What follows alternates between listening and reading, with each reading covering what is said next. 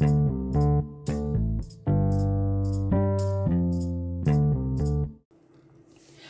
flowers, welcome back to our dearest podcast of your Indonesia, the one and only, apalagi kalau bukan Sanubari.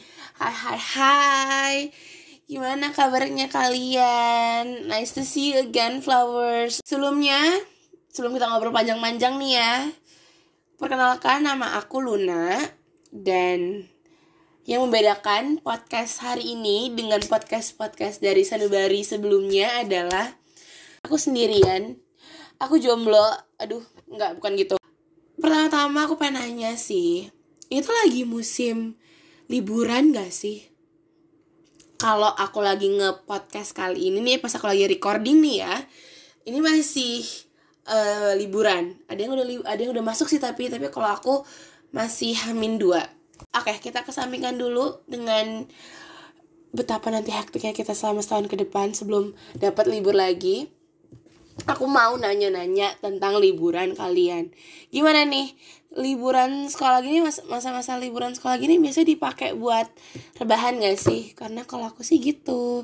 Udah capek kan ya, Wak.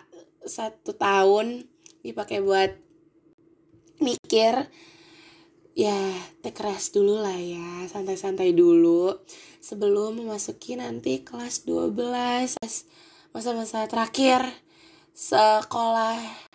Nggak sih masih ada kuliah tapi maksudnya kayak SD SMP SMA gitu. Oke tadi aku udah janji aku akan mengesampingkan uh, tentang sekolah tapi malah aku balik lagi ke topik itu. Oke gimana liburan kalian? Biasanya kalau liburan tuh dihabisin pakai apa sih karena kalau aku rebahan makan tidur. Rebahan makan tidur. Tapi biasanya tuh uh, ngedrakor juga sih. Aku pengen ngomongin drakor sih. Drakor tuh uh, kadang kan pemeran ceweknya nih ada yang alpha woman, ada yang cewek nyebelin gitu kan yang peran antagonisnya. Ada yang cewek-cewek lucu gemesin, ada yang cewek centil, cewek wah, cegil, cewek gila. Aduh, kayak banyak deh. Tapi kalau yang genrenya kerajaan-kerajaan gitu pasti ada banget yang namanya princessnya gak sih? Nah, jadi apa hubungannya si princess ini dengan topik podcast pada hari ini? Kalau princess itu kan identik sama kayak semua harus dilayanin. Apa-apa uh, udah serba, serba ada gitu kan mau makan udah langsung ada itu di meja makan semua disiapin jadi si princess ini ternyata ada loh guys nama da apa kayak mental issuesnya tuh uh, ternyata ada namanya tuh princess syndrome. Jadi aduh kayak kalian familiar gak sih namanya princess syndrome? Karena aku juga baru tahu ini tuh dari guru aku. Waktu itu dia sempat kayak bilang pokoknya kalian tuh jadi uh, anak jangan kayak princess syndrome deh. Terus semenjak itu kayak hah apaan tuh princess syndrome? Masa kayak princess aja ada sindromnya gitu loh. Cuman makanya kita kalau kalau misalkan kalian nggak tahu nih apa itu princess syndrome kita bahas hari ini. Apa sih itu princess syndrome? Ciri-cirinya apa? Penyebabnya apa? Oke. Okay. Kalau gitu kita langsung bahas aja kali ya dari pengertiannya nih. Jadi, princess syndrome itu atau juga dikenal dengan princess sickness atau Cinderella complex merupakan kecenderungan perilaku ketika seorang remaja perempuan menjalani kehidupannya bagaikan dongeng. Sementara itu, istilah princess sickness juga dikenal sebagai istilah yang digunakan dalam bahasa sehari-hari di Asia Timur dan Tenggara. Berarti kita, wah, berarti harusnya kita familiar lah ya dengan uh, mental issues si princess syndrome ini.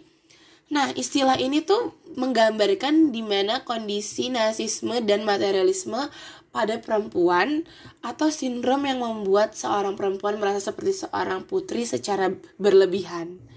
Nah, udah ada kata berlebihan yang namanya berlebihan itu udah pasti wow konotatifnya udah pasti udah negatif gak sih uh, flowers karena kayak orang bilang kan kalau yang berlebihan itu pasti nggak baik lebih baik secukupnya aja Nah, ternyata nih ada penulis sekaligus psikolog klinis di California Southern University namanya Nancy Irwin menyebutkan bahwa princess syndrome adalah istilah untuk menggambarkan seseorang seorang perempuan yang bersikap dan berperilaku selayaknya tuan putri, dewi, atau sosok penting lainnya. Orang yang mengalami princess syndrome ini cenderung menggambarkan diri mereka sebagai sosok yang luar biasa dan penting untuk diperlakukan layaknya seorang putri raja. Waduh, berarti ya gitu seorang putri kan apa-apa udah disiapin, apa-apa serba uh, serba ada serba gampang gitu cuman ternyata ada penyebabnya nih kenapa seseorang itu bisa terkena princess uh, princess syndrome gitu. Penyebabnya itu dikutip dari Psychology Today ada banyak penyebab seseorang bisa terkena princess syndrome. Mulai dari pola asuh hingga perilaku uh, perlakuan kok perilaku sih? Perlakuan istimewa yang ia peroleh dari lingkungan dalam waktu dalam jangka waktu yang lama gitu. Jadi bisa aja dari pola asuh orang tua atau bahkan uh, orang-orang di sekitar kita tuh terlalu memanjakan kita flowers ini bisa jadi bisa terjadi karena orang nah tadi orang tua memberikan pujian berlebihan kepada anak sehingga uh, hal tersebut mempengaruhi harga dirinya ini biasa terjadi pada orang tua yang memberikan label kepada anak perempuannya bahwa mereka adalah seorang putri atau dewi atau sosok istimewa lainnya. Tapi sebelum itu, kalian jangan self diagnose dulu. Nih, aku mau nyebutin ciri-cirinya, tapi kalian jangan self diagnose karena belum tentu kalian kayak gitu. Nah, seseorang yang mengalami princess syndrome ini memiliki perilaku yang cenderung nar narsistik gitu masih menurut Irwin yang tadi um, psikolog tadi uh, ada tanda-tanda mengapa orang ini uh, kayak orang seseorang ini tuh mengalami princess syndrome. Wah banyak nih. Sering menolak untuk mengerjakan sesuatu karena alasan yang tidak relevan, seperti menghindari mengangkat barang karena takut berkeringat. Oke, okay, kadang tuh berkeringat tuh juga nggak enak sih. Aku juga nggak suka. Cuman kalau sampai karena ngehindar ngangkat barang karena takut keringetan tuh kayaknya agak gimana? Misalnya nih lagi ada acara di sekolah gitu terus harus um, kalian harus bantu-bantu yang lainnya udah pada capek-capek ngebantuin eh kalian malah cuman duduk doang Terus alasannya karena takut keringetan, takut capek. Duh, jangan ya. Karena kan kasihan juga yang lain kan butuh bantuan gitu. Semakin cepat dilakukan oleh banyak orang juga semakin cepat kerjaannya kelar kan. Jadi aku harap flowers nggak ada yang kayak gini nih. Terus yang kedua, ciri-ciri yang kedua nih, berorientasi pada penampilan dan membangun harga diri dengan berpenampilan cantik aku rasa sih kalau yang poin ini ya nggak masalah juga berpenampilan cantik apalagi uh, misalkan kamu memang nyaman untuk mengekspresikan diri kamu uh, dengan cara make up uh, terus abis itu dress up dengan baju yang cantik-cantik yang lucu-lucu itu juga nggak masalah sih. Cuman kalau yang udah mulai too much nah itu yang harus lebih dikurangin ya. Karena ya balik lagi tadi sesuatu yang berlebihan tuh kan nggak baik flowers. Terus uh, menolak orang lain yang mereka anggap tidak selevel dengan mereka jadi mengotak-ngotakan uh, orang tuh kayak duh aku harap sih uh, pendengar dari sanubari nggak kayak gitu ya. Karena anggap orang nggak level tuh kayak emang kamu pikir kamu udah seoke apa? Ya dong kan kita semua tuh sama di mata Tuhan. Aduh kok jadi jadi ceramah nggak. Tapi kayak ya aku harap kalian nggak kayak gitu sebenarnya masih banyak banget ciri-cirinya tapi uh, oke. Okay. memiliki ekspektasi yang tidak realistis tentang bagaimana dirinya dan bagaimana ia harus diperlakukan oleh orang lain. Kalian berekspektasi kalau abis turun dari mobil orang-orang langsung gelar karpet merah. Itu kan gak mungkin ya. Ini bukan film-film ini bukan uh, drama drama Korea. Jadi kalau misalnya kalian udah mulai berpikir yang terlalu ekspektasi kalian udah terlalu tinggi Duh jangan deh. Karena kan kalau dijatuh sakit shy Ya kan? Cuman ya dari ciri-ciri tadi Kalian jangan self diagnose Tapi kalau kalian ngerasa Udah mulai ada tanda-tanda nih Nah ini cara pencegahannya. Cara menyadarkan si pengidap princess syndrome ini tentu tak bisa sembarang orang. Hanya orang terdekat atau yang dihormati, tapi itu pun juga dilakukan secara perlahan dan bertahap.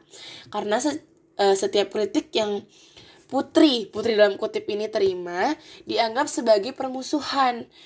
Sebagai perempuan, semestinya memiliki nilai-nilai diri dan tidak terpengaruh dengan hal-hal yang membutakan, seperti berkeinginan hidup di dunia dongeng, uh, berekspektasi tinggi seperti tadi ya, berekspektasi tinggi yang tidak realistis gitu terhadap orang-orang di sekitar kita untuk diperlakukan seperti apa gitu. Kenyataannya memang pahit adanya namun sebagai seorang perempuan kita pun harus berdiri di atas kedua kaki kita sendiri tanpa perlu bantuan orang lain.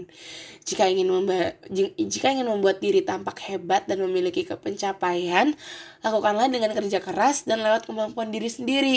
Itu lebih bermakna daripada harus hidup bagaikan putri bak di, di negeri dongeng. Aku setuju banget sih. Karena ya kalau kita mau mencapai sesuatu itu harus dilakukan dengan usaha effort yang gede. Nggak bisa segala hal kita dapatkan secepat kita menjetikan jari gitu flowers. Jadi kalau misalkan kalian udah ngerasa aduh uh, kayaknya nih aku mulai ada yang nggak beres nih. Tapi jangan self diagnose juga tapi um, kalau kalian uh, mulai merasa tanda ada tanda-tanda yuk sama-sama refleksi dan introspeksi diri lagi ya. Jangan sampai sindrom ini tuh ada di dalam diri kamu karena it's not a good things gitu. Nah duh kalau udah kayak begini tandanya udah di akhir obrolan kita pada hari ini nih flowers. Duh berasa cepet banget ya. Tapi ya Aku harap topik podcast pada uh, pada hari ini pada kali ini bisa berguna bagi kalian. Dan buat followers di sana jangan lupa follow Instagram uh, Your Story Indonesia yaitu at yourstory.idn terus share cerita kamu karena ceritamu juga berarti Aku Luna dan aku pamit undur diri. Stay tune di Sanubari selanjutnya. Bye flowers, semangat terus.